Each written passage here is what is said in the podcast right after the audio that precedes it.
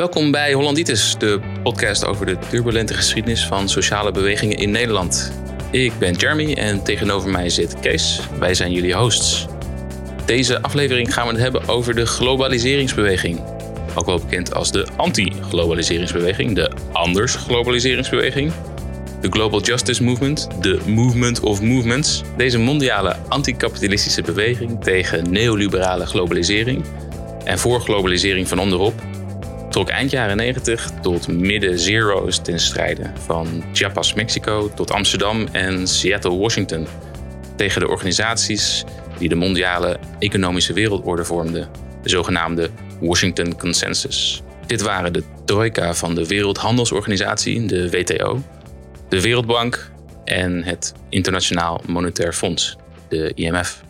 Verder werd er geprotesteerd tegen vrije handelsverdragen als de NAFTA, de North American Free Trade Agreement, de FTAA, de Free Trade Area of the Americas, en overlegplatforms van de mondiale elite, het Wereld Economisch Forum, de G7, de G8, de G20 en tegen de Europese Unie bij de Eurotops. In deze meerdelige aflevering vertellen we over een beweging die van onderop door middel van directe actie zo succesvol is geweest dat het binnen enkele jaren haar hoofddoelen al had bereikt. Het stoppen van vrije handelsverdragen en het delegitimeren en effectief voor dood verklaren van de WTO en vrijwel bankroet verklaren van het IMF. Deze acties zijn uiteraard een internationaal fenomeen geweest. We proberen natuurlijk in de lijn van deze podcast om te focussen op de rol van activisten en organisaties uit Nederland in deze beweging. Voor mij persoonlijk was deze beweging wat mij het activisme introk.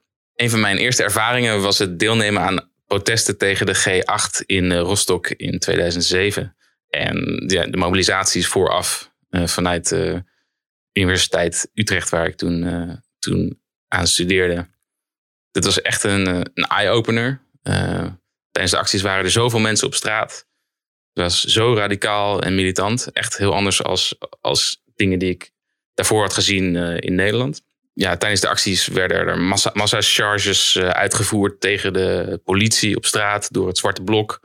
We hoorden verhalen van acties aan de andere kant van de stad waar uh, auto's in de fik werden gestoken. Uh, er was een, gigantisch actiekamp waar alles was, zelf georganiseerd was. Dat is echt super inspirerend. En we voelden dat we echt voor een andere wereld aan het, aan het knokken waren. En dat we ook deel uitmaakte van die andere wereld. Another world is possible, werd, toen gezegd. Kees, hoe raakte jij betrokken bij deze beweging? Erin gegleden eigenlijk. Uh, het is, um, ja, zoals we bij vorige aflevering ook zeiden, geen enkele beweging ontstaat uh, helemaal uit, uit zichzelf, maar altijd uit dingen die daarvoor er ook waren. Nou was de periode voordat die globaliseringsbeweging ontstond, die was uh, in het Westen, of zeker in Nederland, was die enorm kaal en, en koud en uh, gedepolitiseerd. Het, was de periode van na de val van de muur en uh, het einde van de geschiedenis, zoals die afgekondigd werd door uh, Amerikaanse filosofen. En um, ja, tot ver in links was iedereen meegegaan met het idee van dat de markt zijn werk laten doen, dat dat eigenlijk een goede oplossing zou zijn voor zo'n beetje alles. Of het nou om, om bejaardenhulp ging, of uh, landbouw, of uh, ja, noem het maar op, wat, wat, vroeger door um, publieke diensten en zo werd, werd, werd verzorgd. Sociale bewegingen hadden daar een enorme klap van gekregen. We waren voor een groot deel weggekwijnd of zelfs helemaal verdwenen. Maar er bestond natuurlijk nog wel van alles. Er is toen een boek uitgekomen, herinner ik me nu, dat heet Generatie Speldebrik. Dat waren interviews met allemaal activisten. Dat geeft goed weer van hoe we ook onszelf zagen.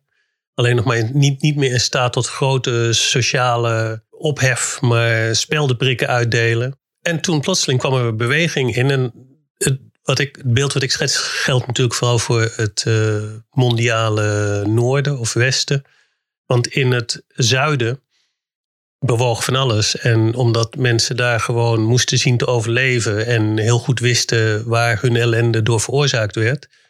Door corporate power en uh, de, de, regeringen in het westen die daar uh, achter zaten. En in toenemende mate ook in, hun landen zelf natuurlijk. Ehm, want dat is wat globalisering uiteindelijk uh, betekende. Was dat je een, een zuiden in het noorden kreeg en een noorden in het zuiden. Waar, waar vroeger echt een uh, hele duidelijke verdeling was tussen de koloniale machten en de uitgebuite koloniale landen. Was nu de door multinationals vooral een netwerk over de hele aarde aan het ontstaan, waarin ook in zuidelijke landen vertegenwoordigers en regeringen waren die daar voor zichzelf goed van wisten te profiteren, maar hun bevolking uh, natuurlijk nauwelijks en nog zo, net zo hard en misschien wel harder wisten uit te buiten. Ja, dat is een relatief nieuw fenomeen, toch? Uh, die, die, dit was die, die neoliberale globalisering waar ik het net over had. Hoe was dat tot, tot stand gekomen? Ja, door, door technologische ontwikkelingen in de eerste plaats en politieke ontwikkelingen. De vorming van de WTO was daar een goed voorbeeld van, waar in een iets later stadium, we hebben het dan over twee, drie jaar na het begin van de jaren negentig, waar we het nu over hebben, in Genève een, een, een, duidelijke vorm aan gegeven werd. En niet voor niks ook de World Trade Organization heet, de Wereldhandelsorganisatie. Het idee was dat ze wereldwijde enforceable wetgeving konden vestigen die, waar multinationals van gebruik zouden kunnen maken. Want die klaagden bij hun regeringen en in dat soort internationale gremia dat het zo enorm lastig was om hun werkzaamheden die zo goed zijn voor alle mensen namelijk eh, werk aanbieden. Dat dat zo moeilijk was, omdat er in al die landen verschillende regelgeving was. En hè, dus dat, dat maakt het voor hen uh, moeilijk opereren, maar ook duur. En er was zo'n heel prietpraat was er over waarom vrijhandel voor iedereen het beste eh, zou zijn. Ja, dat was milieuwetgeving, uh,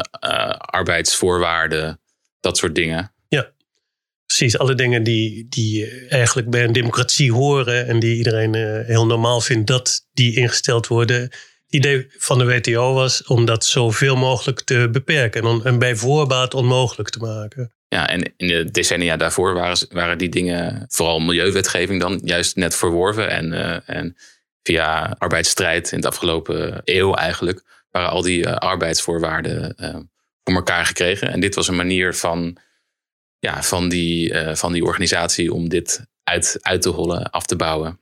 Ja, maar goed, dat was dus uh, officieel is de WTO volgens mij in 1995 in Genève opgericht uit wat daarvoor de GATT heette. Wat was een set afspraken eigenlijk. Maar dus beweging in de, in de derde wereld, zoals ze toen nog heette, mondiale zuiden noemen we dat tegenwoordig. Die waren met hand en tand bezig om zich te verzetten tegen ja, de economie de economische eh, effecten van hoe multinationals vanuit het Westen bij hun opereerden. En um, ik denk aan de landloze boeren, de Centerra-beweging die nog steeds heel actief is in Brazilië. Maar ook in Azië. Grote beweging van vrouwen vaak. Eh, in India bijvoorbeeld, die zich verzetten tegen stuwdammen. Omdat hun, hun landbouwgebied daarmee uh, weggevaagd zou worden. En, en eentje die al redelijk snel directe banden kreeg met allerlei bewegingen in het uh, noorden, was, waren de Zapatistas die in uh, eh, 1 januari 1994 in Zuid-Mexico letterlijk de boel veroverden.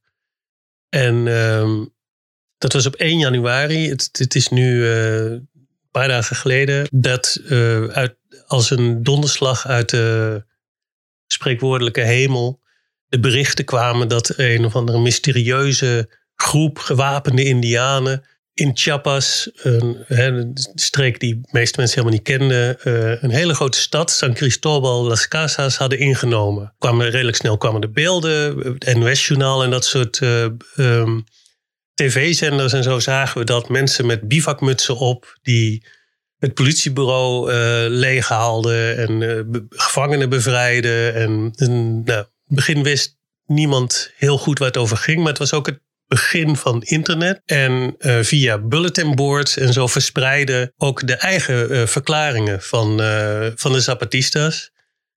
Vertaald in het Engels vaak, of in het Spaans voor mensen die dat hier nog machtig waren vanuit de solidariteitsbeweging met Midden-Amerika.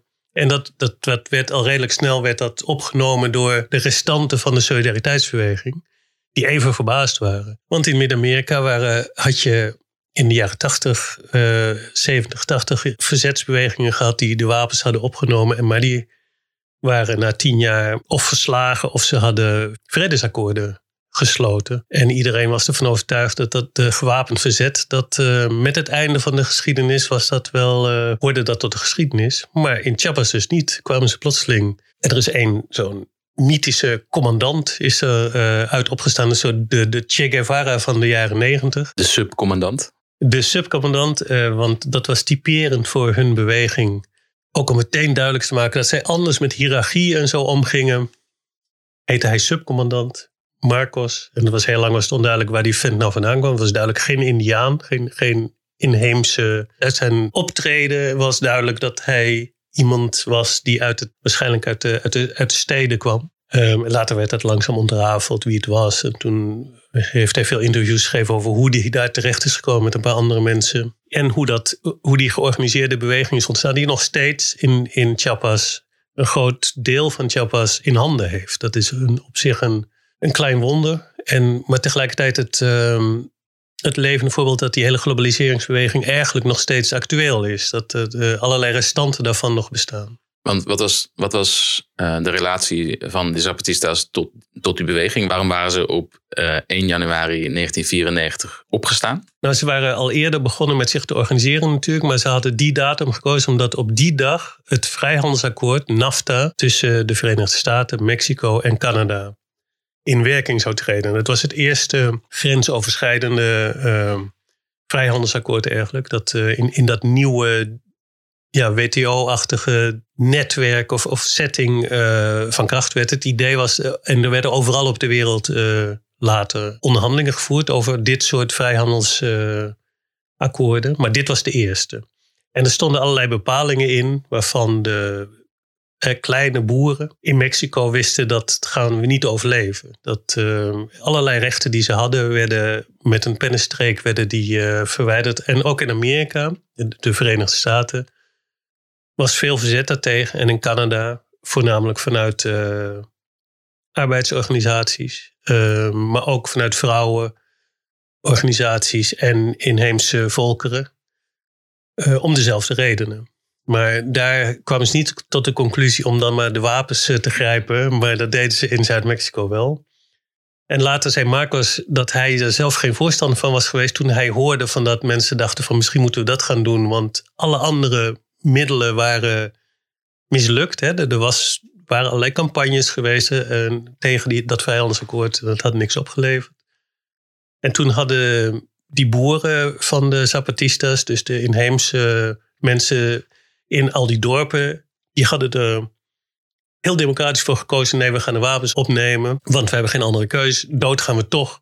Als we, als we niks doen, dan komen we om van de honger en de repressie. Dus dan gaan liever, hè, het oude spreekwoord, liever staande sterven dan op je knieën verder leven. Dat uh, gold voor hun. En toen dacht Marcos en de zijnen van nou, dan uh, doen we mee. Hij is immers subcommandant. Precies, hij moet luisteren.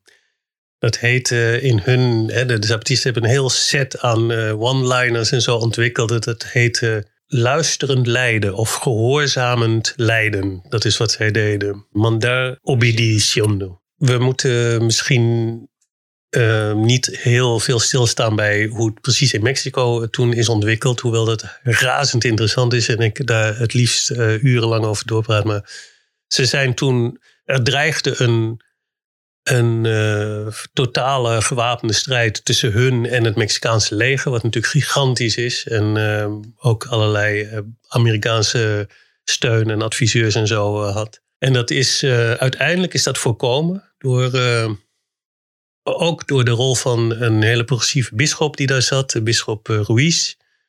En de katholieke kerk, die een soort menselijk schild tussen hun en, en het leger uh, wisten te organiseren, waarna onderhandelingen begonnen. En dat ging me enorm met vallen en, en opstaan. En ehm, ook heel veel internationale strijd, solidariteit. Maar ook vooral de reactie van de Mexicaanse bevolking die in Mexico-stad bijvoorbeeld, maar ook in andere grote steden. Maar in Mexico-stad was uh, binnen een paar weken was er een gigantische demonstratie met meer dan een miljoen mensen. Om uh, te eisen dat uh, de Zapatistas met rust gelaten zouden worden. En uiteindelijk is dat dus gelukt. er is een soort gewapende vrede nog steeds er worden voortdurend worden er allerlei paramilitaire aanvallen en zo op, op delen van, van Zapatistisch gebied uitgevoerd. Maar ze hebben uh, sindsdien eigenlijk de boel in handen weten te houden. Ja, je zei al dat er, dat er internationale solidariteit was met de Zapatistas. Hoe zijn de Zapatistas en, en die solidariteitsbeweging geworden tot de beweging waar we het vandaag over gaan hebben? Ja, want um, die solidariteitsbeweging was eigenlijk die, die ontstond ook, maar dat uh, was maar een onderdeel van die globaliseringsnetwerken waar we het nu over willen hebben. En het ging veel verder, het ontwikkelde zich veel verder dan de traditionele. Hè, een, een landje waar een verzetsbeweging is en daar ontstaat een solidariteitsnetwerk mee. En dat kwam voor een groot deel door die Zapatistas zelf. Die zeiden van nee, dat willen we helemaal niet. Weet je, eh, voeren jullie strijd in je eigen land. Dat is minstens zo belangrijk dan dat jullie massaal hier naartoe komen. Bovendien, al die geitenwolle sokken, uh, die, die lopen in de weg hier. Letterlijk hebben ze dat soort dingen gezegd. Alle NGO's werden er ook uitgekieperd. Wat ook een uh, verklaring is waarom ze het zo lang hebben weten uit te houden. Maar dat zorgt vaak voor enorme spanningen in, in zo'n gebied. Ontwikkelingshulp en, en dat soort um, projecten. En zij zijn gaan internationale encuentros, heette dat, ontmoetingen gaan organiseren. Gebruikmakend van de mythe die er was ontstaan over uh, subcommandant Marcos en al die indianen die met bivakmutsen op. Ze hadden dat, dat symbool van die bivakmuts hadden ze heel bewust hadden ze dat ontwikkeld om een gezicht te krijgen. Wat natuurlijk een, een vreemde contradictie is misschien. Er ontstonden ook allerlei uh, artikelen over. Over dat je als je je maskers opdoet, dat je dan juist zichtbaar wordt. En, en dat soort uh, bijna postmoderne verhalen. Maar daardoor ontstond in de hele wereld, kende op een gegeven moment iedereen die Zapatistas en een deel van hun verhaal ook. Uh, wat eruit bestond te verklaren dat waar zij uh, slachtoffer van werden en waar zij tegen streden, die hele vrijhandelsproblematiek, dat was niet een fenomeen wat zich alleen bij hun afspeelde. Dat was een internationaal gebeuren en mensen moesten zich daar internationaal tegen verzetten en bij voorkeur misschien wel in hun eigen land tegen hun eigen uh, regering. In de Hol van de Leeuw. Ja. En om dat te organiseren ehm, hielden ze die, Encuentros. En, en een van de eerste, dat was een, uh, een redelijk uh, fotogeniek uh, gebeuren. En daar zorgden ze ook altijd goed voor. Dat de, de setting, laten we zeggen, dat, met, met die regenwouden en daar tentenkampen opzetten. En, maar ook beroemdheden uitnodigen die dan dagen door de modder moesten shocken. Zoals Noam Chomsky en, en allemaal van dat soort types. Waar die vervolgens weer gefilmd werden en geïnterviewd. En dat werd via beginnende internet werd dat meteen verspreid. En ze waren in, in zekere zin, later werd duidelijk dat dat voor een groot deel gebeurd is met hulp van mensen die later in die media opgezet hebben. Dat netwerk van, van informatie, uh. En dat ze hun tijd daarmee vooruit waren eigenlijk. Ze, ze, ze verrasten door internationale communicatienetwerken te ontwikkelen die nou ja, de gewone media uh, misschien nog niet eens uh, tot hun beschikking hadden. Of in ieder geval niet op die manier wisten uit te buiten. Ja, want dat vergeten we misschien uh, 20, 30 jaar later. Dat de mogelijkheid om je eigen boodschap tot een massaal publiek te verspreiden. Dat was echt een nieuw fenomeen. Er was altijd de filter van, van de nieuwsmedia die er tussenin zat. En nu was er het internet waarbij je zelf kon publiceren.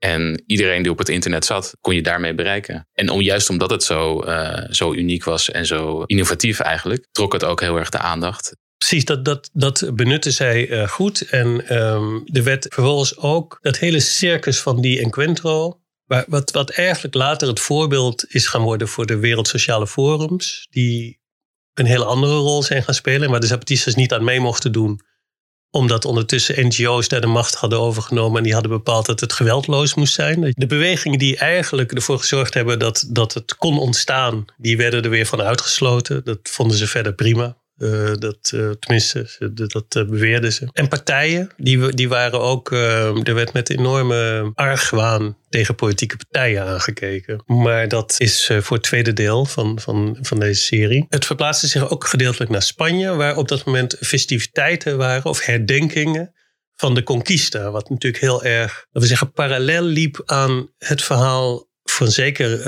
um, Latijns-Amerika, maar ook Azië natuurlijk, Indonesië en de Engelse, uh, door Engeland gekoloniseerde delen van, van Azië. Dat hing, die geschiedenis hing heel erg nauw samen met de toestand waarin ze zich nu bevonden. En dat imperium wat vrijhandelsverdragen aan het uh, ontwikkelen was, viel eigenlijk samen met dat uh, van de oude koloniale heerschappij. Het was een soort neocolonialisme 2.0 en nu geleid door, door multinationals. Maar door bewust ervoor te kiezen om internationale bijeenkomsten te organiseren in uh, Chiapas, maar ook in uh, Spanje, werden netwerken gecreëerd die al redelijk snel benut werden voor directe actie op een schaal die we tot nu toe niet gezien hadden. En daar is eigenlijk die globaliseringsbeweging uit ontstaan. Ook de discussies die uh, bij die encuentros gevoerd werden, gingen over uh, die problematiek. Van wat is hier aan de hand? Uh, vrijhandel, multinationals, mensenrechten, het internationaliseren van besluitvormingsstructuren. Vergeet ook niet dat in de tussentijd in Europa de Europese Unie aan het ontstaan was.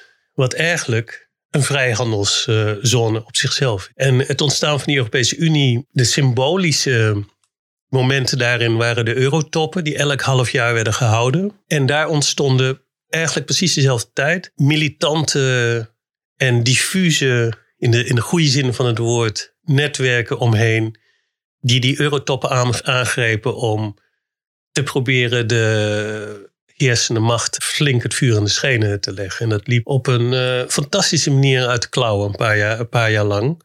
In de zin dat die toppen het fenomeen werden van massale acties en, en rellen. En tegentoppen ook en actiekampen. En dat is een geschiedenis die, uh, ja, die weer vergeten is bijna. Of in ieder geval geen belangrijke rol meer speelt. Als nu over de Europese Unie uh, wordt gepraat en hoe dat ontstaan is. Maar in die tijd werd, moest, moest de invulling nog plaatsvinden. En hoe neoliberaal uh, die EU zou worden in, in wat, hè, of het een, een, een soort federatie van landen zou worden of een veel meer uh, eenheid, uh, politieke eenheid, met veel meer centrale machten en zo. Dat werd toen werd besloten. En ook hoe, hoe ze omgingen met uh, de autonomie eigenlijk van landen om nog een eigen economisch en sociaal beleid te voeren of niet. En daar werd letterlijk hard om gevochten. Er waren vakbonden, vooral uit Zuid-Europa, die naar die toppen toe kwamen, die echt van plan waren om de boel te slopen. En uh, dat gebeurde ook.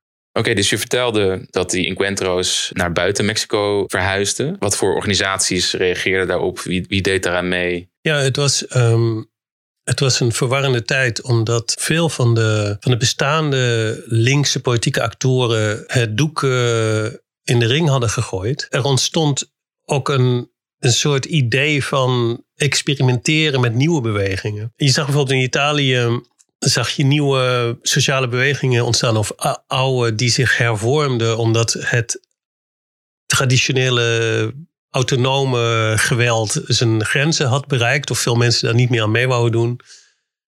Er zijn die tutti bianchi uh, ontstaan, witte overals. Het was een soort reactie op de traditionele autonome rel. Van dat kan je ook op een andere manier doen. Misschien uh, inventiever en met andere middelen. Ja, dat waren voorheen uh, waren dat uh, vooral jonge mannen in zwarte pakken met molotovs die aan het knokken waren tegen, tegen de politie. Ja. Dat kon ook anders blijkbaar. Nou ja, dat probeerden ze in ieder geval. En dat, dat sloeg aan. En uh, er is, uh, ze zijn geloof ik begonnen met het uit elkaar nemen van een uh, uitzetbias voor, voor migranten. Die was in aanbouw. En die hebben ze toen overmeesterd eigenlijk met een, met een golf aan mensen die allemaal in witte overals gekleed waren. En daardoor onherkenbaar waren. En ze hebben de dingen uit elkaar geschroefd en afgevoerd. En toen was die hele bias die was verdwenen.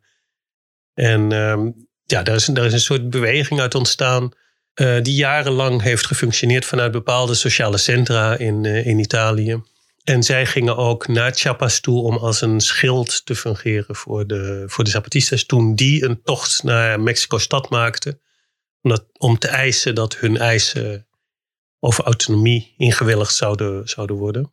En ondertussen natuurlijk gewerkt aan uh, het opbouwen van een eigen, eigen economie en een eigen samenleving daar.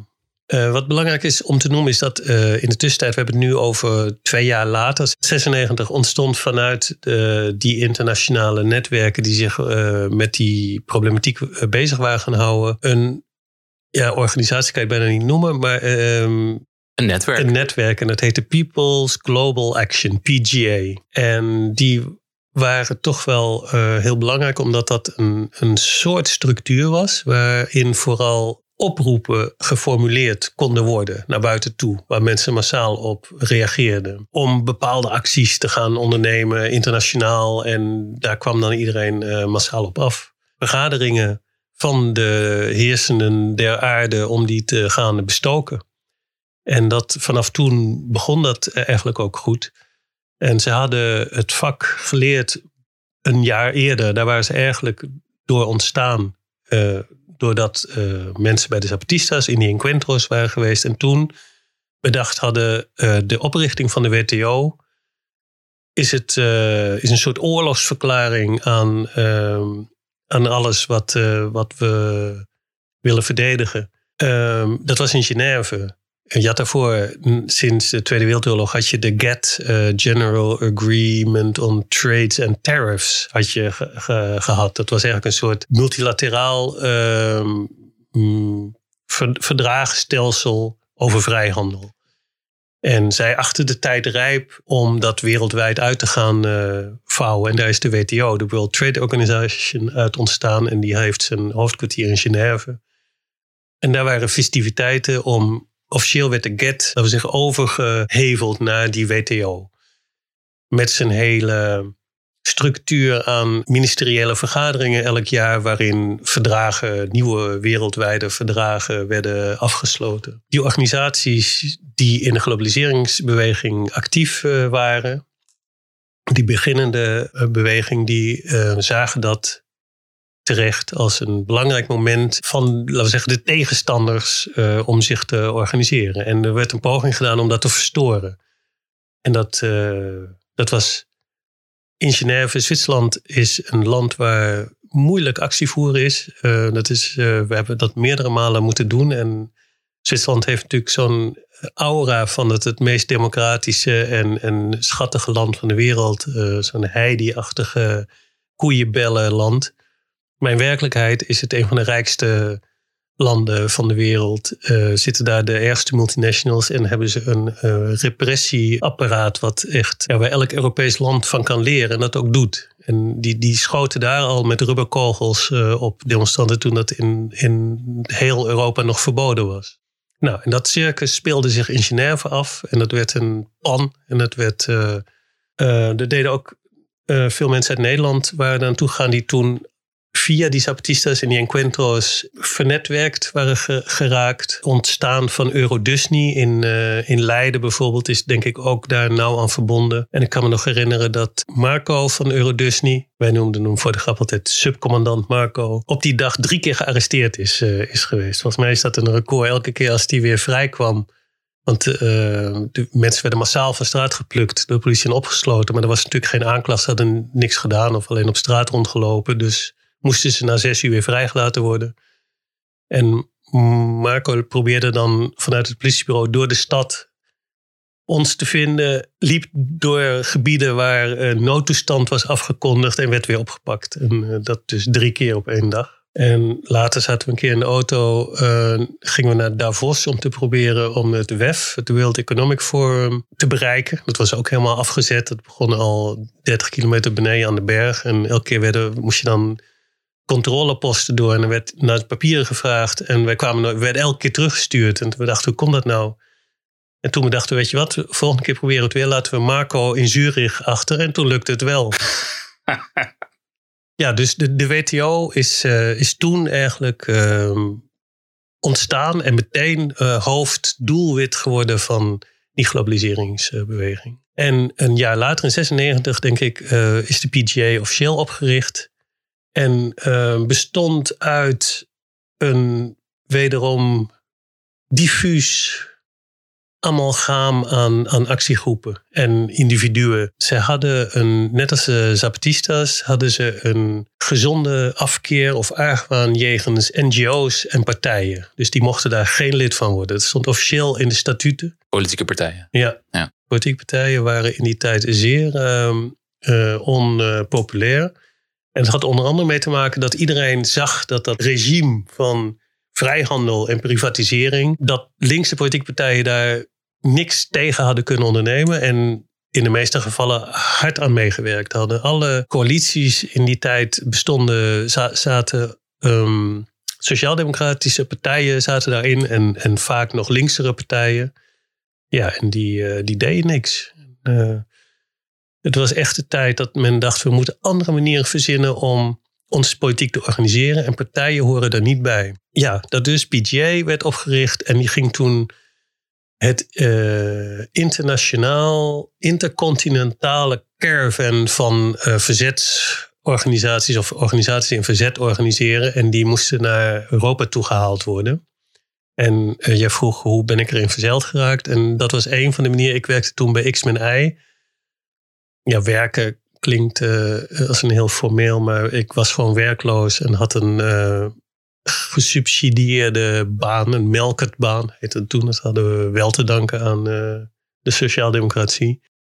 XBNI is een solidariteitsfonds, dat heet tegenwoordig Het actiefonds. Het actiefonds ja. Ja. Bestaat nog steeds. Je kan er nog steeds donateur van worden. En dan geven zij dat geld weer door aan groepen die dat nodig hebben. En dat is vooral bedoeld voor mensen, voor actievoerders die het beter hebben gekregen. Of eh, chirurg of journalist zijn geworden. En toch het idee hebben van dat eh, met hun gegroeide inkomen nog eh, leuke dingen gedaan zouden kunnen worden. Daar, daar is het voor. Dus mocht je je aangesproken voelen, dan we zullen de, de link naar de website van X-Men uh, hier ook onder zetten.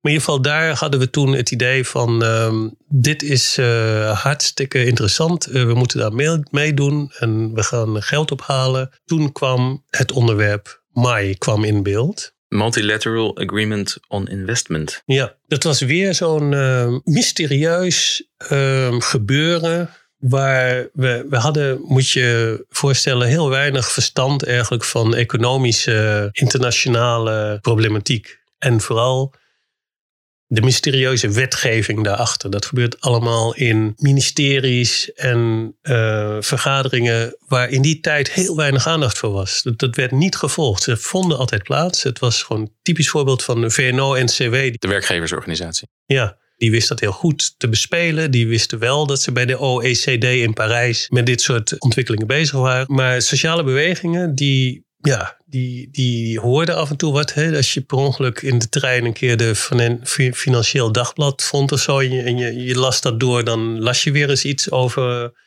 Er, er was geen verzet tegen. Het, was, het stond niet op de agenda's van, uh, van sociale bewegingen. Ook niet van NGO's. Die vonden het ook allemaal best. Die dachten, daar komt. Uh, Zo'n club als de Nove bijvoorbeeld. Die was volledig van overtuigd dat vrijhandel goed was. In de media? En ja, media was het ook geen onderwerp. Pas toen de boel gepunkt werd, uh, werd, het on, werd het nieuws. Dus dat is ook een van de, de, grote verworvenheden van onze netwerken, is dat we dat in de, in de aandacht hebben getrokken.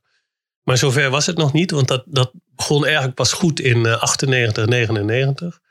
En dat mei was zo'n typisch voorbeeld van iets wat gaande was en waar een aantal zich toen ontwikkelende onderzoeksorganisaties, als SOMO uh, in Amsterdam, Stichting Onderzoek Multinationale Ondernemingen. Bijvoorbeeld. En um, de toen beginnende, of misschien heette ze nog niet zo, Corporate Europe Observatory. Maar die mensen waren wel bezig om dat te onderzoeken. En we, met hun werken we nog steeds nu samen eigenlijk. Die, die zijn toen ontstaan en uh, hebben belangrijk werk verricht in het ontrafelen van vooral de lobbymacht van de bedrijfslevenwereld. Ze zitten in Brussel, ja. Ze zijn ooit hier uh, ontstaan. Zij wisten dat dat MAI, dat was uh, binnen de OECD, dat is de club van rijke landen eigenlijk, die in Parijs een, een zetel heeft, een hoofdkantoor. Waren ze daarmee bezig? Dat was een, een verdrag over investeringen. Dus multinationals hebben er last van dat als jij bijvoorbeeld ergens een olie, hoe noem je dat, bron gaat ontginnen en mensen gaan zich verzetten, dan kun je je investering kwijtraken. Ja, zo werkt dat nou eenmaal in een democratie. Zeker als je gewend bent om dat met de meest illegale manieren altijd voor elkaar te krijgen. En om dat te voorkomen, dus uh, zij eisten gewoon garanties dat hun investeringen met rust gelaten werden, werd dat uh, investeringsakkoord werd, voorbereid. En het, het gerucht ging dat, dat het pas de daadwerkelijke inhoud van wat zij probeerden voor elkaar te vergaderen bekend werd toen een groepje activisten bij die vergadering uh, buiten had gestaan. Een van die diplomaten naar buiten zag komen, zijn koffertje uh, gejat had en uh, daarmee weggerend is en dat onder de kopieermachine heeft gelegd. en toen werd het, het concept MAI-verdrag, dat werd duidelijk. En wat, wat dat betekende was dat als jouw olieproject verstoord zou worden door milieuactivisten of, of mensen die van het land getrapt worden dan konden, kon het bedrijf, conglomeraat of wat dan ook, die dat, die investeringen deed, konden de staat aanklagen en geld eisen voor de verloren geprojecteerde winsten die zij zouden krijgen als het project wel van de grond was gekomen. Bijvoorbeeld, of, of op andere manieren eisten zij garanties uh, dat ze ongestoord verder konden gaan met uh, uitbuiting. En het verwoesting van, van het milieu. En, en um, dus alles wat wij probeerden juist te verhinderen. En bovendien, dus toen ontstond er een soort netwerk tegen dat MAI. Want er waren een aantal landen, dat, dat speelde zich af buiten de WTO om. Omdat dat WTO-gebeuren, uh, dat, het is stroperig. En dat duurt veel te lang voordat die wetten daar zijn. Dus eigenlijk de wetten die ze bij de WTO hadden willen binnenfietsen. En daar zit ook een, tegenwoordig zitten investeringen zitten daar ook in, maar toen nog niet. Dat werd toen door een aantal rijke landen binnen de OECD werd het alvast. Uh... Ja, want in de WTO zitten bijna alle landen eh, van de wereld. Ehm, en uh, in de MAI zat er dan. zat de hele OECD daar dan nee, in? Of? Nee, het was, was een select aantal landen.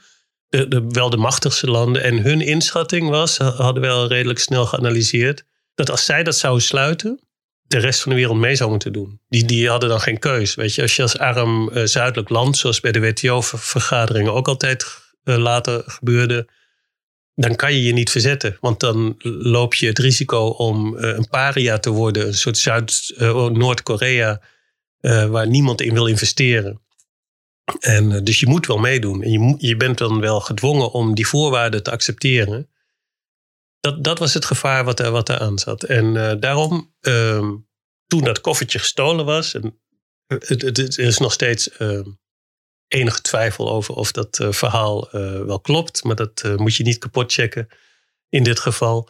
Het, het, werd goed ingezet. En er waren een aantal Amerikaanse groepen en Canadese consumentenorganisaties die dat goed bestudeerd hadden en die een campagne waren gaan lanceren. En Nederland speelde een prominente rol. Die hadden bij het ministerie van Economische Zaken hadden ze een aantal ambtenaren, hoge ambtenaren, vrijgemaakt om aan dat MAI-verdrag te gaan sleutelen. Dus toen, toen we dat hoorden, dachten we, we hebben ook een, een, een eigen verantwoordelijkheid daarin. En we zijn demonstraties gaan organiseren. En, maar dat was eigenlijk in een notendop. We hebben het dan over 1997. Een gelegenheid waardoor allerlei groepen die tot dusver zich niet bezig hadden gehouden met die problematiek. Hè, van, wetgeving, internationale economie, vrijhandel en zo. Dat ze zich daarop zijn gaan richten en samen een campagne zijn uh, gaan ontwikkelen die uiteindelijk heeft uitgemond in de eerste en tevens enige bezetting van het ministerie van Economische Zaken. Dat was een zeer heugelijke uh, gebeurtenis. Uh, het ministerie uh, was goed afbeveiligd. Toen was er nog geen war against terror en weet ik veel wat, maar waren ze wel bang voor bezettingen en, en boze vakbondsleden of dat soort dingen. Dus er was een, een entree met, met een balie en daar kon je je dan melden, daar kon je binnen. En als je dan een pasje had of een afspraak, dan busden ze je door. En dan mocht je in zo'n draaideur. En die ging dan één persoon ging die door. Je kent dat wel. Hè? Bij al de Tweede Kamer en zo heb je dat tegenwoordig ook. Maar toen was dat redelijk nieuw. Dus we dachten, shit, hoe komen we in godsnaam binnen? En toen ontdekten we dat die mensen die achter die balie staan die, moesten af, die moeten ook naar de wc. En die hadden een eigen deurtje. En daar gingen ze door naar de wc, zodat ze niet via die draaideur hoefden te gaan. En dus toen hebben we met één iemand die, die heel lang over heeft, uh, of nee, die goed geoefend was in zo lang mogelijk uh, treuzelen. Die heeft uh, bij die ingang staan wachten tot iemand naar de wc moest. Toen is hij over de balie gesprongen, heeft de deur opengehouden en de rest stond om de hoek. en is naar binnen gerend. En toen liepen we dus met zeker 50, 60 mensen liepen we plotseling in het ministerie van EZ te zoeken naar de kamer van die uh, ambtenaar waar, waar die MAI uh, voor werkzaamheden uitgevoerd werden. En we hadden een plattegrond. En, maar binnen de kortste keren, als je al die trappen overrent, bovendien werden we achtervolgd door beveiligingspersoneel. dus je rent dan hoeken in waar je niet uh, op gerekend had. Dus we, we wisten niet meer waar die kamer was. En toen herinner ik me nog, we waren lukraak overal bezig deuren open te rukken. Waar dan allemaal verbaasde van die keurige mannen in pak en hun secretaresse zaten. En dan vroegen we van, oh sorry, eh, we zoeken de kamer van uh, zus en zo. En zeiden ze, oh nee, dan moet u hier. Dus die hebben ons allemaal keurig naartoe geweest. Toen hebben we ons gelokt om, om tafels en pilaren in die, in die afdeling. En toen hebben we daar uh, uren gezeten. En toen uiteindelijk hebben we onderhandelingen gevoerd over hoe we de, hoe we de bezetting zouden oplossen. Als zij uh, met ons zouden, zouden willen spreken over onze eisen. Nou, dat hebben, en we, we, zeiden wie we erbij wouden hebben. Toen hebben ze een, een ruimte beneden hebben ze vrijgemaakt. En daar hebben we een gesprek gevoerd met de, de topambtenaar van de economische zaken. En uh, dat gesprek hebben wij geleid. Wij zeiden op een gegeven moment, zaten ze allemaal. Er werd ook, er werden ook allemaal drankjes en zo werden, werden neergezet. En wij eisten dat de pers erbij uh, kon komen. En toen wouden ze beginnen. En toen pakten wij de microfoon en zeiden we, nou, welkom allemaal.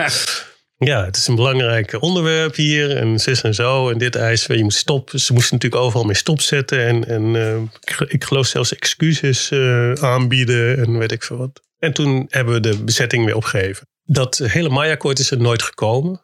Dat is uiteindelijk omdat. Jullie hebben dat uh, gestopt met die actie natuurlijk. Nee, ja, dat, uh, ik denk wel dat we daar aan bij hebben gedaan. Maar dit was één actie. We werden op dat moment niet op diezelfde dag, maar er waren in andere landen waren ook van dit soort netwerken aan het ontstaan. En bij de, in Parijs waren demonstraties en, en bezettingen en dat soort dingen. Toen uiteindelijk heeft de Franse regering besloten om er niet mee verder te gaan. En toen is het uh, gestopt. En anders hadden we zo'n MAI-verdrag uh, gehad. Ongelooflijk hè, hoe dat soort uh, gekke acties ja. toch echt kunnen bijdragen aan zo'n zo'n overwinning. Ja. Dat, dat verwacht je nooit van tevoren. Of je gelooft het niet echt dat dat Nee, dat het kan werken of zo. Het wordt ook altijd ontkend natuurlijk. Hè? Uh, en, en ook door, door de grote NGO's en zo, die zich dan ook met die problematiek bezighouden, maar nooit acties doen, maar altijd zitten te, te mee te lobbyen of tegen te lobbyen en weet ik veel wat. Het zijn altijd de eerste om te zeggen van nou, jullie moeten niet denken dat het door jullie acties komt. Ja, anders hebben zij, dat kwam natuurlijk door hun gelobby. Tuurlijk, ja. Uiteindelijk ligt de waarheid een klein beetje in het midden natuurlijk. Uh, de, de, de, militante acties die, eh, die zetten dingen op de agenda. En die worden opgepakt door NGO's. Die, eh, die fietsen er een, eh, een ietsje minder radicaal sausje overheen. Dat... Nee, precies. En in veel netwerken of coalities spelen kleinere NGO's ook best belangrijke rollen. Weet je, de, het onderzoek doen en de informatie vergaren en zo, dat is een vak apart. Daar moet je vaak professionals voor hebben. En in die zin kan er goed samengewerkt worden. Ja, en die, en die coalitie tegen de, uh, tegen de MAI.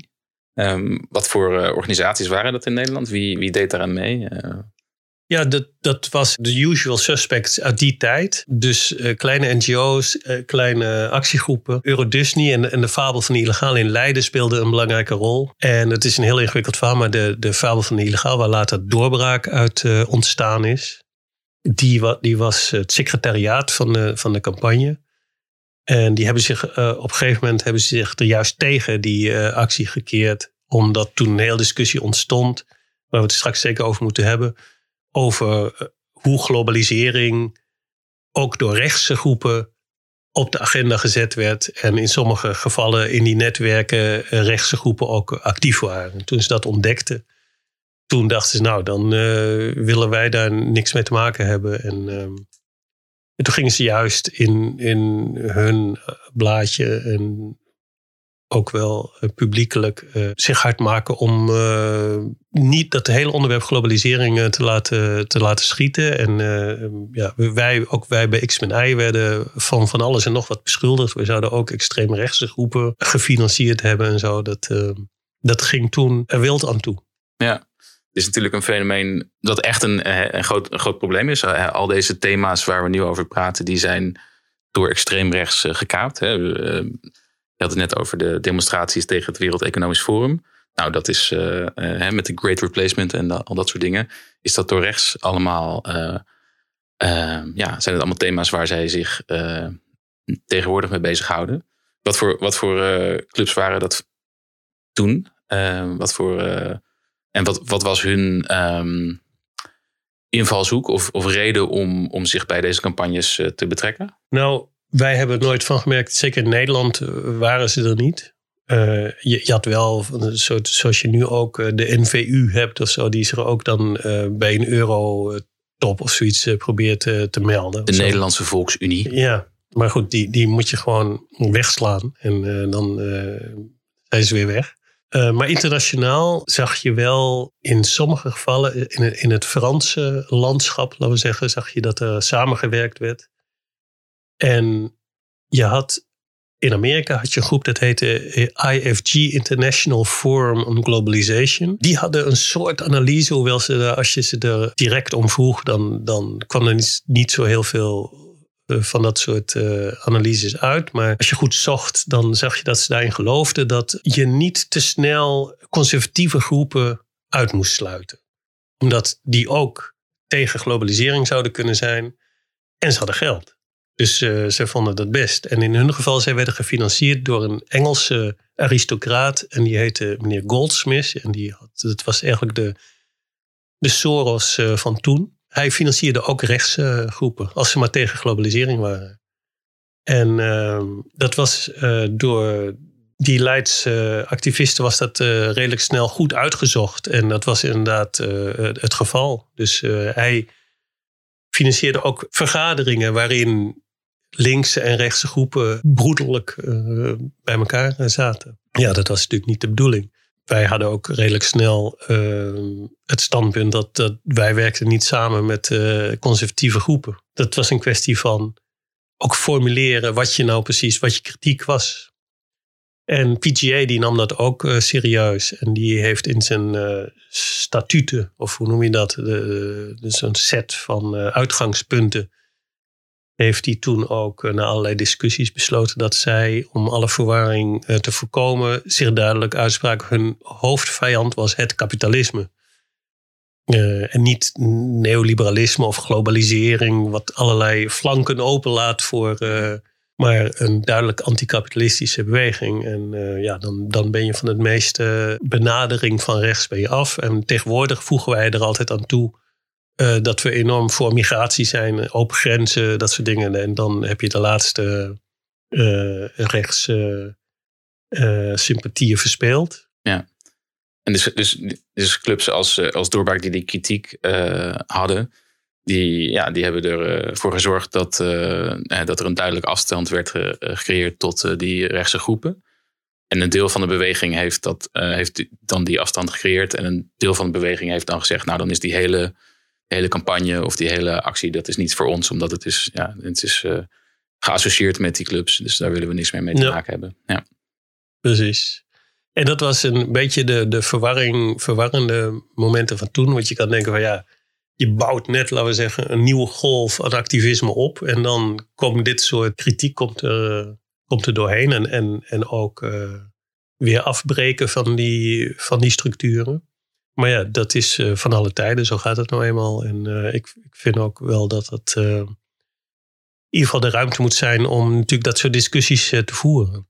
Ja. Het is wel de vraag hoe je met elkaar omgaat en hoe ver je erin gaat om, om je eigen campagnes weer, laten we zeggen, de grond in te boren. Dat heb ik altijd niet zo heel erg handig gevonden. Maar ook daarin is iedereen vrij. We leven in een vrij land, zei mijn vader altijd. Dus die clubs die zijn later ook uh, gaan organiseren tegen de Eurotops. Klopt dat? Ja, want uh, chronologisch kwamen die toen opzetten. En de Europese Unie die was eigenlijk met het verdrag van Maastricht in 1992 officieel was die voorzien van een eerste echt goed uh, verdrag. Um, waardoor het meer was dan alleen maar een, ja, een verzameling afspraken tussen, tussen landen over gemeenschappelijke economie of zo. Um, en sindsdien ons, was er ook een politieke structuur aan toegevoegd. Hè, met Brussel en Straatsburg. En uh, volgens mij was er nog, geen, nog niet eens het parlement toen. Maar uh, wel de Europese Commissie. En weet je, dat hele ondoordringbare uh, bouwsel van begin van de Europese Unie. Wat toen nog uit 15 landen bestond. En die ging dat uitbreiden. Dat was ook nadrukkelijk hun doel. Uh, ik geloof dat we nu 27 uh, eh, landen hebben, kernlanden. En uh, ik geloof 1 januari is Kroatië lid geworden, maar ik hou het niet meer goed bij. Maar in die tijd moest het nog ingevuld worden. Dus de, de structuur stond er, maar wat precies de afspraken zouden zijn, die enorme implicaties zouden hebben voor de bewoners van de eurozone. En bijvoorbeeld over de gemeenschappelijke munt en dat soort dingen, die was er allemaal nog niet. En daar werden elk half jaar politieke spel is zo dat uh, om de beurt is een van de lidlanden van de Europese Unie voorzitter. En aan het eind van zijn voorzitterschap wordt er dan een eurotop gehouden. En in veel gevallen worden daar dan nieuwe verdragen worden daar gepresenteerd. En die moeten dan aangenomen worden. En dan ben je weer een, een stap verder in het vormen van een neoliberale vrijhandels. Uh, economie. En daar begonnen mensen zich massaal tegen te verzetten. En dat is heel moeilijk, want het speelt zich allemaal in die diplomatieke uh, gewrochten in Brussel of Straatsburg af. Maar die eurotops, waarin dan al die staatshoofden moesten komen en die uh, verdragen officieel moesten worden betekend, daar, dat was een mooi symbolisch moment om op af te stormen. En dat begon ook in toenemende mate te gebeuren. En dat liep goed uit de hand. Ehm, in sommige gevallen, vooral doordat uh, zuidelijke Europese vakbonden massaal mobiliseerden om naar bijvoorbeeld in Cannes, kan ik me herinneren, toen uh, Frankrijk voorzitter was en daar weer, ik weet niet eens welk verdrag daar gesloten moest worden, maar um, dat waar kwamen 200.000 mensen en dat werd volledig verbouwd. Er was, uh, ik weet nog dat het begin van de geldautomaten toen was. En die waren allemaal kapot. Dat niks deed het meer daar. En het, alle terrasstoelen, die, daar hebben ze nogal wat van. Die werden als barricades gebruikt. En, Schande. Het was een, een zootje, was het. En toen was in 97 was Nederland aan de beurt. In Amsterdam in de uh, Nederlandse Bank. Uh, bij het Weteringplantsoen. Ik denk dat iedereen, zelfs al woon je niet in Amsterdam, dan weet je dat... Uh, foei lelijk gebouw. Uh, Nee, echt niet. uh, nou, er staat dus een soort uh, sigar, hoe noem je dat? Uh, luciferdoos en daarnaast een ronde toren. En die toren is ondertussen alweer afgebroken. Maar daar werd de Eurotop gehouden. juni geloof ik, 97. En um, er waren, in Nederland waren er nog niet heel veel organisaties mee bezig. En zeker de vakbonden niet. Die uh, vonden het allemaal heel vermoeiend om uh, daartegen te protesteren. En dat deed je toch ook niet. En uh, weet je wie toen minister-president was? Dat was Wim Kok. Wim Kok, voor mensen die hem niet kennen. Het is een soort vlees geworden. Het is een soort, een soort ambtenaar of leraar maatschappijleer. Um, en hij stond er ook om bekend dat hij nooit alcohol dronk. En uh, altijd bij uh, vergaderingen om een kopje thee met een koekje vroeg. En Wim Kop uh, was voorzitter van de FNV geweest. En daarna doorgestoken um, als hoofd van de PvdA. En vervolgens minister-president geworden. Heel lang. Daarvoor was hij vicepresident onder Lubbers. En uh, Wim Kok had de leiding van, uh, van die uh, eurotop. Het was crisis in Europa, werkloosheid was enorm hoog. En zij waren van plan om dat op te lossen door meer vrijhandel, meer privatisering, deregulering en ga zo maar door. Dus al die dingen waren zichtbaar in die afspraken die, die daar gemaakt werden. En desondanks was in Nederland het verzet was niet echt uh, heel, heel groot. Net als in 92 bij die be, be, belangrijke top in Maastricht. Toen was er waar, was geen beweging eigenlijk. Maar ondertussen was in waren wij in Nederland wel met uh, het onderwerp vrijhandel en, en uh, globalisering en, en economie en zo aan de gang gegaan met allerlei groepen. En wij hadden ook een platform opgericht. Platform naar een ander Europa. En dat bereidde een tegentop voor. Er was, in die tijd was er bij elke eurotop was er ook een tegentop. En in het begin was dat uh, keurig ergens op de universiteit. En dan werden slaapverwekkende discussies uh, gehouden, die, die, best belangrijk waren hoor, over wat er nu precies uh, mis was aan de EU en de Europese Centrale Bank en al die dingen. De EBRD, hè, de investeringsbank van Europa, die werden allemaal in die periode allemaal bedacht en van geld voorzien. En ja, alleen de deskundigen die wisten wat daar nou de consequenties van zouden zijn. En heel veel van de wetten die, en, en de regelingen en de instellingen die toen aangenomen zijn, daar hebben we nu last van. Hè? Bijvoorbeeld die over, ik noem maar iets waar alle uh, havenvakbonden tegen de hoop liepen. De Bolkestein-amendement over de, het recht van reders om uh, hun eigen personeel mee te nemen om in de havens te werken, bijvoorbeeld. Dat, ja, dat, die, die dokwerkers die hadden daar helemaal geen zin in. Die zei dat is ons, ons werk wat je op dat moment afneemt. En we weten dat het allemaal Filipino's uh, gaan worden die uh, zwaar onderbetaald gewoon onze banen over gaan nemen. En daarin zie je dan ook dat, laten we zeggen, ingewikkelde samenloop van conservatieve argumenten en, en linkse en progressieve kritiek. In die havenvakbonden zitten heel veel rechtse, mensen. Die willen gewoon geen buitenlanders in hun, in hun uh, uh, haven aan het werk zien. En desondanks trok dat, trok dat samen Nou ja, goed.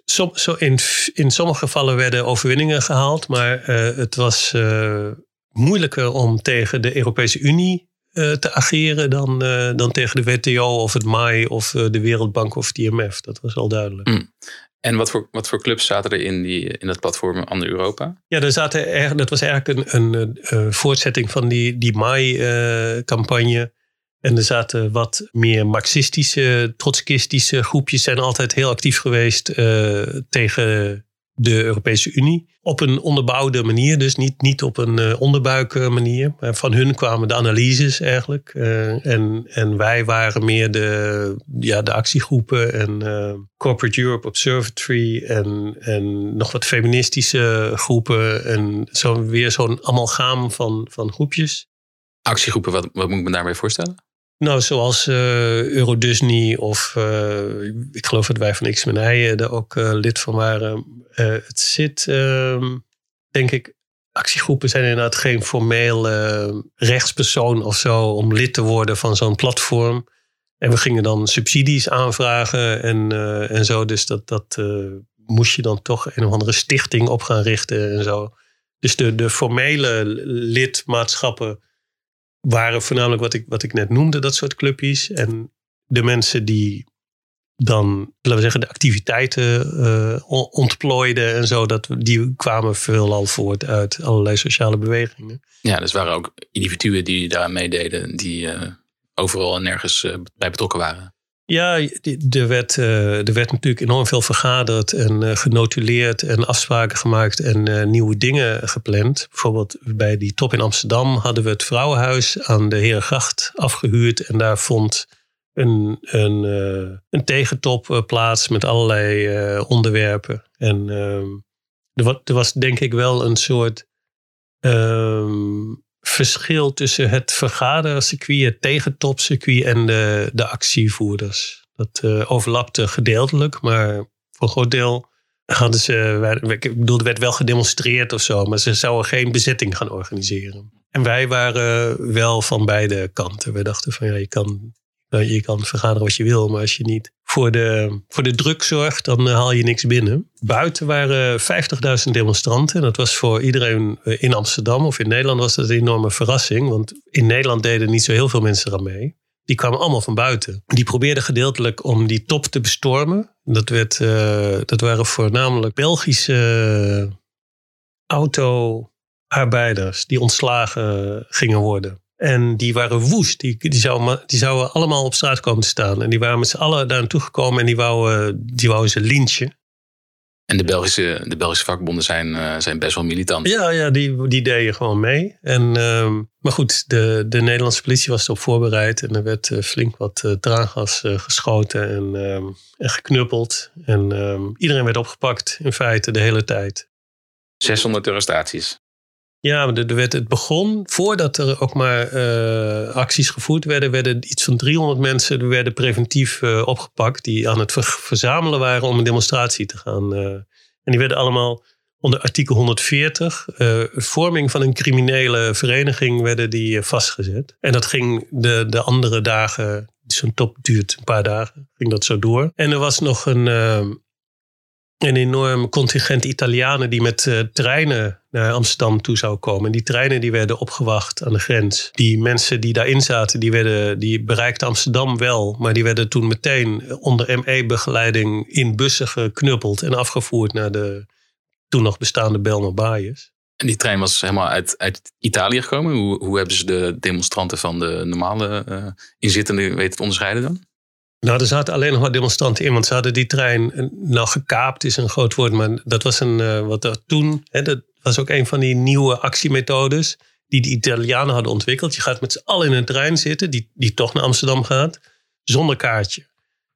En dan, als je maar met genoeg bent, dan moeten ze wel gaan rijden. Dat was wat er gebeurde. Dus er waren meerdere treinen vol met demonstranten. En die dwars door Europa dus naar Amsterdam toe reden. Ja, ze zijn dus niet eens uitgestapt. Ze zijn meteen de bus ingedreven. En dat was schandalig. Uh, dat, uh, daar maakten ook niet heel veel mensen zich uh, echt druk over. Hadden wij het idee. Er is later een zwart boek uh, uitgekomen. Het Autonoom Centrum in Amsterdam heeft dat samengesteld met allerlei getuigenissen en zo. En toen er zijn natuurlijk weer rechtszaken gevoerd. En er zijn jaren later komt de uitspraak dat het eigenlijk niet had gemogen. En dan sommigen krijgen schadevergoeding. En uh, nou ja, dat, uh, dat wordt dan weer keurig uh, democratisch, rechtsstatelijk afge, afgewerkt. En dan ben je jaren verder. De Nederlandse actievoerders, hebben die nog wat, wat uitgehaald? Het was niet de tijd om op zijn Italiaans of zo massaal dingen te plannen en te organiseren. En er waren her en der acties. Er waren heel veel mensen die gewoon ja, ter plekke, laten we zeggen, op straat gingen zitten en, en blokkades deden. Het was, het was een verwarrende paar dagen, was het. En, maar er waren, waren overal wel acties. Als je met zoveel mensen bent, dan ga je ook dingen doen. Wij waren met een groep Duitsers. We hadden net een boek uitgebracht wat we wouden presenteren. En dat was een echte actiehandboek over, het heet Communicationsguerilla. Wij dachten van nou, dit is een leuk moment om, het, het was al, in Duitsland was het al lang gepresenteerd en zo. Maar we dachten, laten we dat ook hier doen. En dan ook meteen actie eraan uh, verbinden en zo. Maar wij wisten natuurlijk niet van tevoren dat het zo'n pan zou worden daar. En toen was alles verboden. Dus toen besloten we maar om een actie voor de EU te gaan uh, organiseren. We dachten, dan gaan we dat doen. Dus toen hebben we een, een aanzienlijke demonstratie. Een paar honderd mensen op de Nieuwmarkt begonnen. Die, die gingen langs de hotels waar al die uh, regeringsleiders zaten om ze toe te juichen. Met taarten. En die taart was natuurlijk symbolisch omdat een van de middelen van die communicationsguerrilla was het gooien van taarten naar politici. Maar ja, dat deden we niet. We liepen er gewoon mee. En als we dan bij zo'n chic hotel kwamen waar we wisten dat Chirac zat, dan gingen we applaudisseren. En, Jacques eh, Chirac, van uh, de, president van uh, Frankrijk ja, destijds. Ja, precies. En dan, uh, ik geloof dat van de Engels was Tony Blair toen ook al zo'n zo'n licht van Labour. En um, uiteindelijk is die hele demonstratie ook opgepakt. Terwijl we aan het roepen waren om meer kerncentrales. En als de politie kwam, dan wouden we natuurlijk geslagen worden. En meer repressie en dat soort dingen. En, uh, dus uh, ja, die zijn ook allemaal uh, in de baaiers terechtgekomen. Schande. Terwijl jullie gewoon positief waren over alles. Ja, zelfs voor de EU zijn was, was verboden. Was onze conclusie. Maar goed, het was, het was duidelijk. Begin toen hebben wel heel veel mensen gezien hoe buitenlandse groepen en vakbonden en weet ik veel wat, uh, hoe ze dat aanpakken. Ik bedoel, voor veel mensen was het, hadden daar natuurlijk al eerder uh, ervaring mee en zo. Maar het, maakte in die zin denk ik wel school in, uh, in, in, in Nederland. En we zijn ook doorgegaan met dat platform voor een ander Europa. De eerstvolgende grote eurotop die eraan zat te komen, hebben, hebben we toen wel veel beter voorbereid acties. Waar we al redelijk snel aan begonnen was de gecombineerde top in Keulen, die eraan zat te komen in uh, de zomer van 99. En die was gecombineerd in die zin heel slim van die Duitsers. Die hadden bedacht, uh, zij waren voorzitter van de G8 en van de EU in hetzelfde jaar. En toen dachten ze van, dan houden we, in beide moet je een top houden. Als we dan toch de hele stad moeten afzetten en verbouwen, laten we gewoon eerst uh, de EU doen en dan de G8-vergadering. Heel efficiënt. Ja, hartstikke efficiënt. En dat gebeurde midden in uh, Keulen. Keulen is toch wel de vierde stad van, uh, van Duitsland. Dus dat is best groot. En, maar voor ons ook vlak over de grens. Hè. Je rijdt, uh, ik bedoel, vanuit Amsterdam is het even ver naar Keulen als naar Groningen volgens mij. En we hadden ondertussen via die uh, Euro EU rot op, uh, Eurotop. Dat was ook natuurlijk een, een, een dijenkletser, dat dat hetzelfde woord is. EU rot op was de t-shirts die we gemaakt hadden. Dit was voor Amsterdam 1997. Ja. Maar goed, de, er was ehm, een internationaal netwerk ondertussen wat uh, de protest tegen die eurotoppen aan het uh, coördineren was. Waar allerlei Duitse, Duitse organisaties ook in zaten. En elk land had eigenlijk... Ik denk dat de trotskistische groepen dat die daar een belangrijke rol in speelden in het organiseren van de internationale structuren daarvoor. Werd bedacht om uh, groots protest in uh, Keulen te gaan organiseren. Met een tentenkamp en, en allerlei demonstraties en tegentoppen op de universiteit en dat soort dingen. Dus daar gingen we aan werken. Wij hadden dat platform naar een ander Europa. Waar ondertussen uh, mensen betaald zelfs aan het werk waren. Voor een paar dagen per week of zo. En uh, uiteindelijk wisten we zeven bussen vol demonstranten te mobiliseren om daar naartoe te gaan. Voor de Eurotop, volgens mij. Wij waren met een meer activistisch groepje waar wij er ook bij betrokken. En wij dachten van, weet je wat, wij willen uh, dit keer beter voorbereid daar naartoe gaan dan in Amsterdam. En we hebben een film gemaakt. We zijn daar naartoe gegaan met een groepje en een video gemaakt van alle venues en zo. Nu, ons idee was, nu kan je er nog in. Weet je? En, uh, en ook, ook de toegangswegen en dat soort dingen. En dat was, eigenlijk was het een instructiefilmpje voor als je moest blokkeren en demonstreren en uh, rellen en zo. Van uh, hoe, hoe je dan het beste wegkwam en zo. Maar in ieder geval, de film eindigde voor het congrescentrum. Midden in, naast de Dom zo'n beetje. En waar wij een politieagent vroegen van wil jij, uh, meneer, we hadden, wij wisten, zij wisten helemaal niet dat wij actievoerders waren namelijk. Het was misschien een maand voordat uh, de demonstraties waren. En die politieagent stond daar de boel te, weet ik veel, wat, wat politieagenten doen. En toen vroegen we, wilt u misschien iedereen oproepen om naar Keulen toe te komen? Dus dat heeft hij gedaan. En toen vroeg ah, hoe heet u trouwens? Hij heette Herman nog iets. En toen uh, stond hij ook keurig op de aftiteling. Met dank aan... Uh, dank u voor alles. Ja, en die dacht dat hij een toeristenpraatje uh, hield. Dus hij zei van... Ja, Keulen is een prachtige stad. Kom allemaal hier naartoe. En daar eindigde onze video mee. dus qua voorbereiding een stuk, een stuk beter. Um, en we waren dus met zeven bussen in, in, in een soort die kwamen niet allemaal uit dezelfde plek natuurlijk. Dus op een gegeven moment moet je bij elkaar zien te komen. En moesten we de grens over en we rekenen al op uh, de, de, typische Duitse uh, gründliche.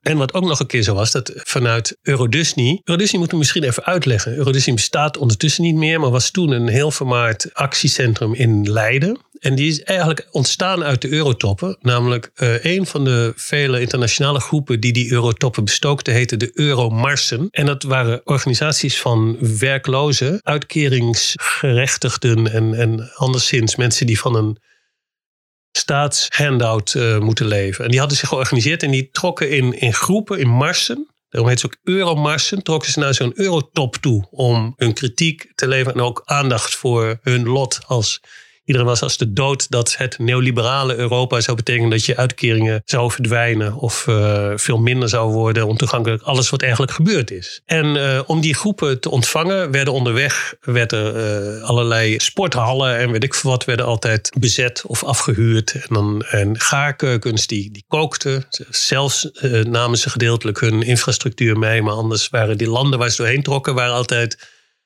werden geacht om, om ze te helpen. En in Leiden hebben ze toen een uh, school gekraakt. En daar, is, uh, uh, daar hebben ze allemaal gelogeerd. Dat was de dag voor de, voordat ze naar Amsterdam, in Amsterdam uit zou komen. Of misschien twee, ik weet niet hoe lang je erover loopt. Van Leiden naar, naar Amsterdam voor die Eurotop van 97. Maar in ieder geval, Eurodisney had dat gedaan. En heeft die gebouwen behouden. En is daar een sociaal centrum begonnen. Wat jarenlang ontzettend goed gefunctioneerd heeft op een gegeven moment hadden ze zelfs, uh, was dat de dependance en hadden ze midden in uh, Leiden, in de Koppenhinksteeg, uh, waar ooit boekhandel Manifest, de linkse boekhandel, zat. En de hele steeg eigenlijk overgenomen. En dat was een groot sociaal gebeuren. Waar ook de allereerste weggeefwinkel van Nederland. En dat was groot nieuws toen. Alle nieuwszenders die kwamen langs, die hadden nog nooit zoiets gehoord. Een winkel waarin je niet mocht betalen. En hij bestaat nog steeds eigenlijk. Ze zijn op een gegeven moment, uh, nadat ze alles heel grondig hadden verbouwd en daar een eetcafé en, en allerlei zalen en zo hadden op, opgebouwd en de linkse kerk waren gaan heten, zijn ze ontruimd op een hele smerige manier. En was beloofd dat alles gelegaliseerd zou worden. En uh, was één P van de A gemeenteraadslid die om de hoek woonde, die uh, voor elkaar wist te krijgen dat dat toch niet ging gebeuren. Toen hebben ze jarenlang zijn ze dakloos geweest en nu hebben ze eigenlijk het café en die zaal, de generator heet dat uh, in Leiden.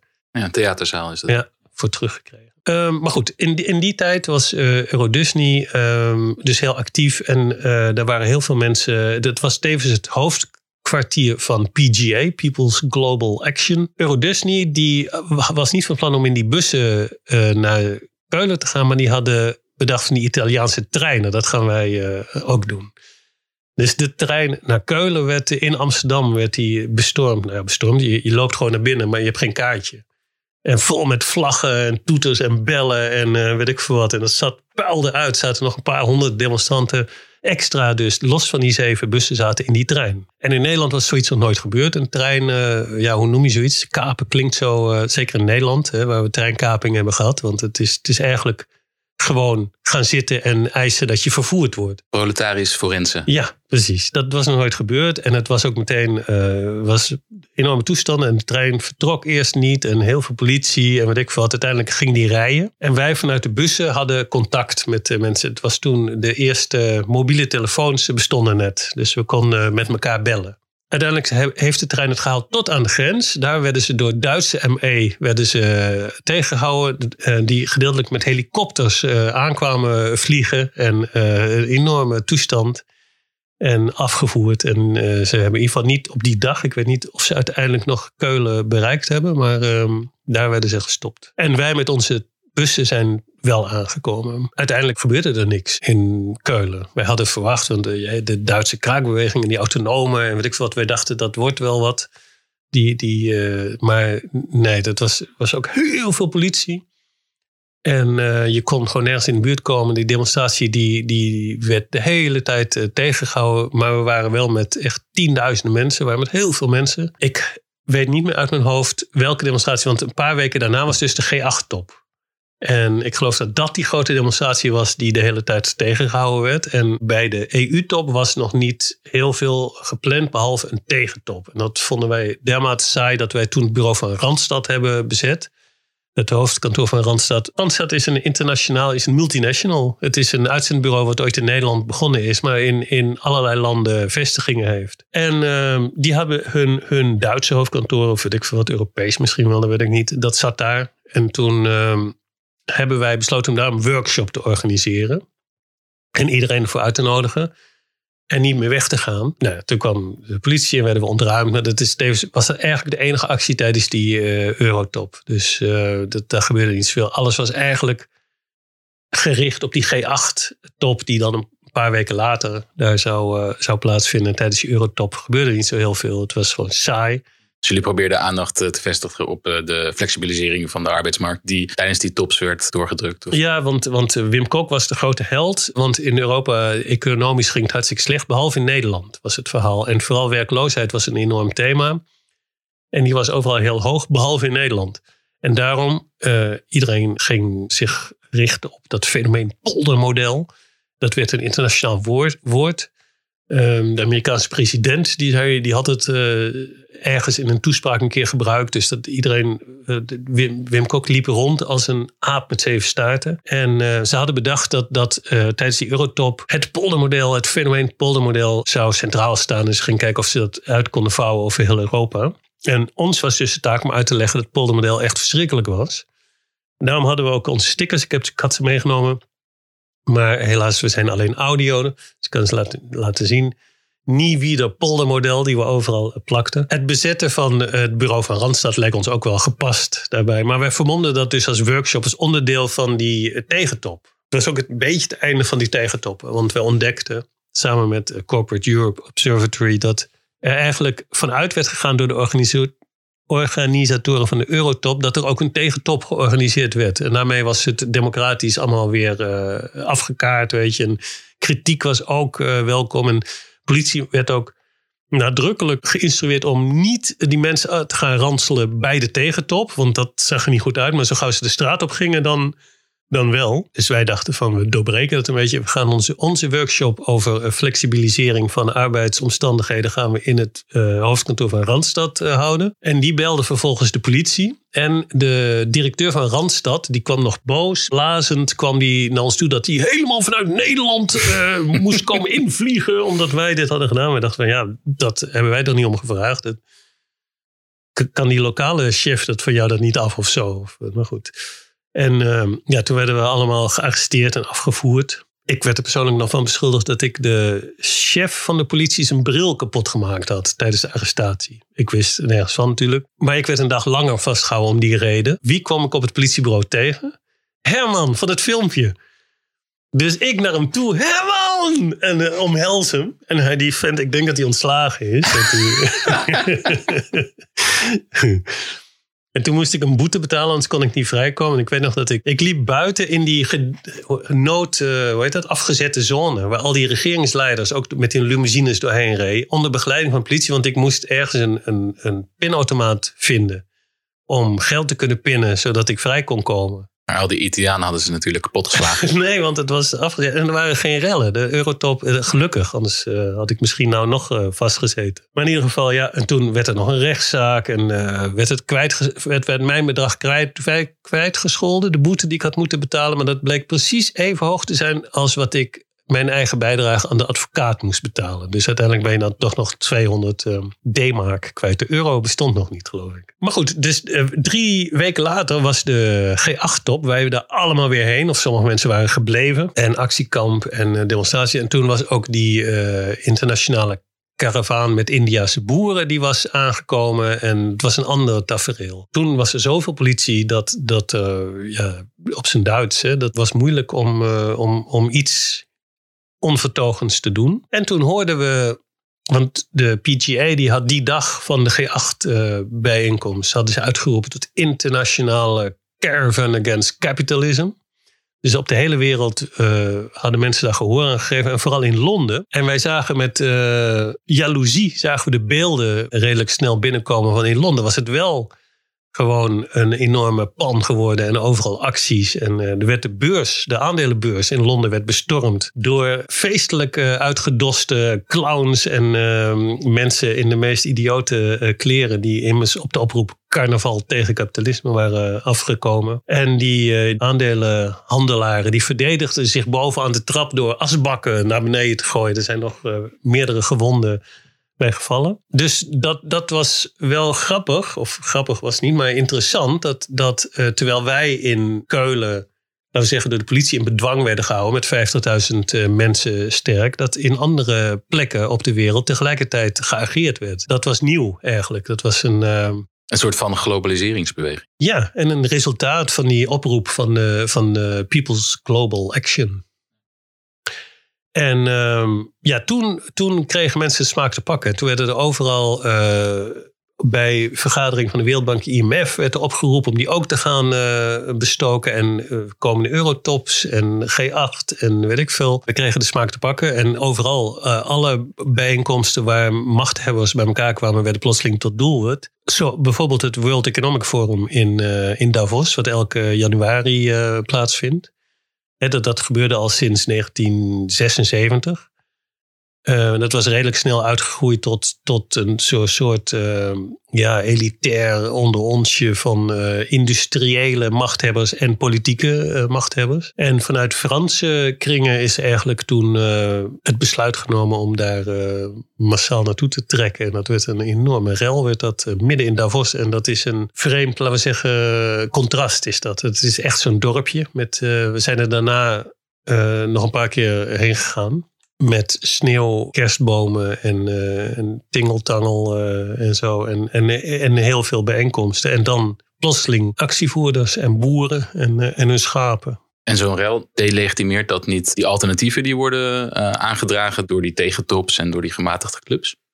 Nee, ja, weet ik niet. Maar in ieder geval waren we daar niet mee bezig. Wij, het is ook niet zo dat, die, dat je die rel per se wilt. Die wordt vooral door de politie natuurlijk opgelegd. En als je dan door wil gaan, in plaats van je te laten het zwijgen te laten opleggen en terug te jagen, ja, dan, dan ga je de barricades uh, opwerpen en, en weet ik veel wat. Maar nogmaals, het feit dat het een bedreiging voor die uh, topconferentie vormt, is uh, niet ongewenst. Dat, dat is wel degelijk wat het radicalere deel van de demonstranten wil.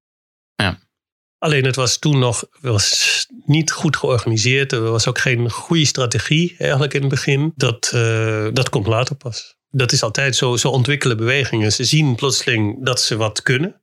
En dan pas ga je ontwikkelen hoe je dat, uh, wat je met een rel kan bereiken. Ja, dat is natuurlijk zo oud als, uh, als het fenomeen rellen zelf. Dennis Bos, historicus uit Leiden. Een van de, van de weinige linkse historici die uit Leiden komt. Die heeft de geschiedenis van, het, uh, van de barricades en de rellen, heeft hij ooit beschreven als collective bargaining by riot. Uh, vooral als het gaat om arbeidsproblematiek. Uh, en dus in die zin denk ik dat forse militante taferelen bij dat soort bijeenkomsten wel degelijk helpen. En zoals we eerder ook zeiden, van daarvoor was het geen nieuws. Dus er is maar één reden dat die camera's zich er plotseling op richten. En dat is omdat wij voor problemen zorgen. En dat wisten wij heel goed. En daarvoor werd alleen maar de microfoon onder de muilen van die machthebbers gehouden. En die mochten dan uit gaan leggen hoe geweldig het was wat ze daar aan het doen waren. En dan krijg je af en toe een of andere wetenschapper die daar kritiek op had. Die mocht dan uitleggen wat het probleem was en dat was het. En nu werden ze plotseling gedwongen om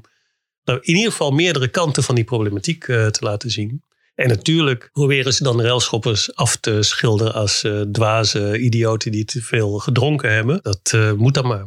En wij hadden natuurlijk ook allerlei posters, websites, spandoeken en brochures en weet ik veel wat, waarin we probeerden om uit te leggen wat nou precies uh, ons punt was. Het interessante van die periode is dat het feit dat het uit de hand liep, dat er onvertogen woorden vielen en uh, taferelen te zien waren, eigenlijk alleen maar mobiliserend werkte.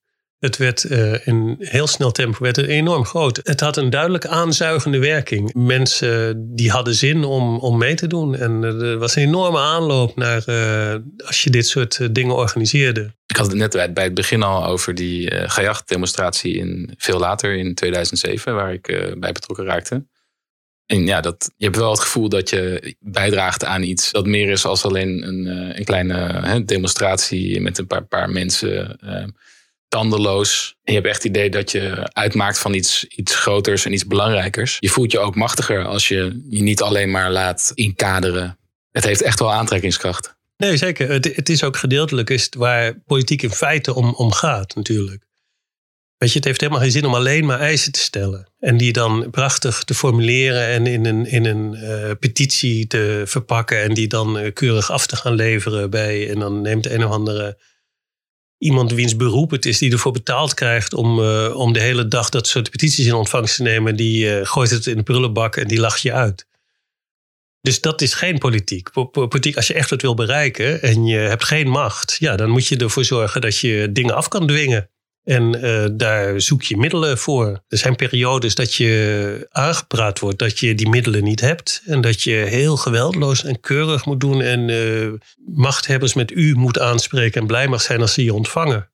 Maar er zijn ook periodes dat je denkt, ja, fuck you. Uh, weet je, dit, uh, jullie zijn de veroorzakers van de problemen. En wij gaan ervoor zorgen dat jullie daar niet mee verder kunnen gaan. En vervolgens, hoe je dan alternatieven of weet ik veel wat, dat is een andere zaak. Weet je, maar dat is waar de problemen zitten en die gaan we bestoken. Dat was toen het gevoel. En ik je kan je achteraf afvragen waarom dat zo massaal aansloeg en gedeeld werd. En ik denk dat het gedeelte kwam ook omdat het na tien jaar geduurd, na die val van de muur en, en die oppermacht van het neoliberale verhaal, Fukuyama met zijn einde van de geschiedenis en weet ik wat, en al die, die politieke partijen van links tot rechts, die zeiden van nee, we gaan nu de markt het werk laten doen. En na tien jaar merk je ten eerste dat dat helemaal niks opgelost heeft. Dat het allemaal alleen maar erger is geworden. Maar dat ondertussen die politieke krachten geen strategie meer hebben om, om het wel te veranderen. Weet je, en dat geldt tot en met die NGO's. Die NGO's, de grote heb ik het dan over, hè? Al die goede doelen en zo, die tientjes eh, waar je donateur van moet worden, en dan gaan zij het voor jou opknappen en weet ik veel wat. Die hadden ook hun verhaal in de steek gelaten eigenlijk. Die hadden niet geïnvesteerd, of misschien is geloof het waarschijnlijk ook totaal niet, in een verhaal over hoe zij nog bij zouden kunnen dragen aan een structurele verandering van de, van de samenleving. Dat deden ze allemaal niet meer. Ze zeiden alleen maar van, joh, was toen het verhaal was heel erg ontwikkeld. Ook bij, bij allerlei clubs van uh, fair trade.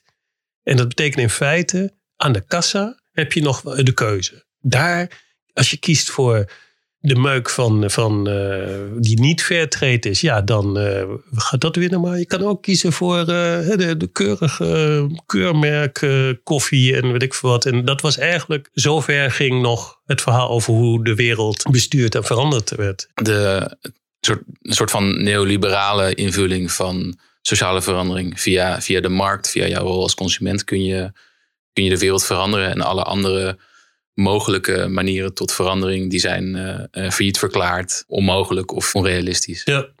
Ja, daar geloofden ze niet meer in. En het werd allemaal enorm, laten we zeggen, één op één vergeleken met uh, het communisme, wat immers totaal afgeserveerd was. Want de muur was gevallen en geen hond wilde dat uh, meer. Schematisch waren er nog maar twee polen. Het was uh, of het ouderwetse afge serveerde communisme. Dat was het enige alternatief. En dan had je de rest. En zoals Thatcher dat noemde, dat heet Tina. There is no alternative. Jullie denken dat er alternatief is. Nou, vergeet het. Maar goed, dat, dat verhaal konden ze tien jaar lang volhouden. En toen was het op. Weet je, toen zeiden mensen, nou, als jullie dat niet kunnen oplossen, dan gaan we het zelf doen. Eh, heel gechargeerd is dat ongeveer het sentiment wat steeds. Uh, en toen kwamen er dus allemaal netwerken en organisaties en groepen die gingen vertellen van oké, nee, wij kom bij ons, wij gaan, wij, leiden, zo te zeggen, het verzet tegen deze wereldorde die er geen is. En vooral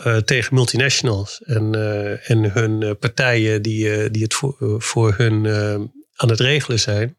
En dat sloeg aan. Another world is possible. Ja, en uh, ik, we moeten toch nog even Norm, Naomi Kleins No Logo noemen. Want het boek is echt nog steeds het lezen waard, denk ik. Als je wil verklaren van wat er toen... Haar boek is heel belangrijk geweest toen. Omdat het min of meer uitlegde wat iedereen toen dacht, eigenlijk. En uh, zij, haar insteek is ook dat stemmen aan de kassa, zoals dat heette, dat is echt onderdeel van, van het probleem. Weet je, die consumentenpolitiek die nog steeds door heel veel uh, NGO's en zo aangehangen en uitgedragen wordt, dat is minstens zo erg als, als niks doen.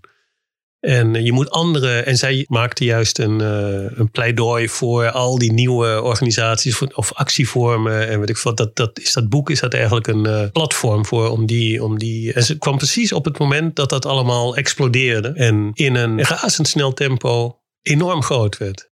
Volgende week gaan we verder met dit verhaal. Daarin bespreken we misschien wel het meest bekende moment van de globaliseringsbeweging. De conferentie in, eh, van de WTO in Seattle, Washington. Daarna gaan we het hebben over uh, ja, andere tops die belangrijk werden of die belangrijk waren in deze strijd. Andere vrijhandelsverdragen, uh, G8-tops.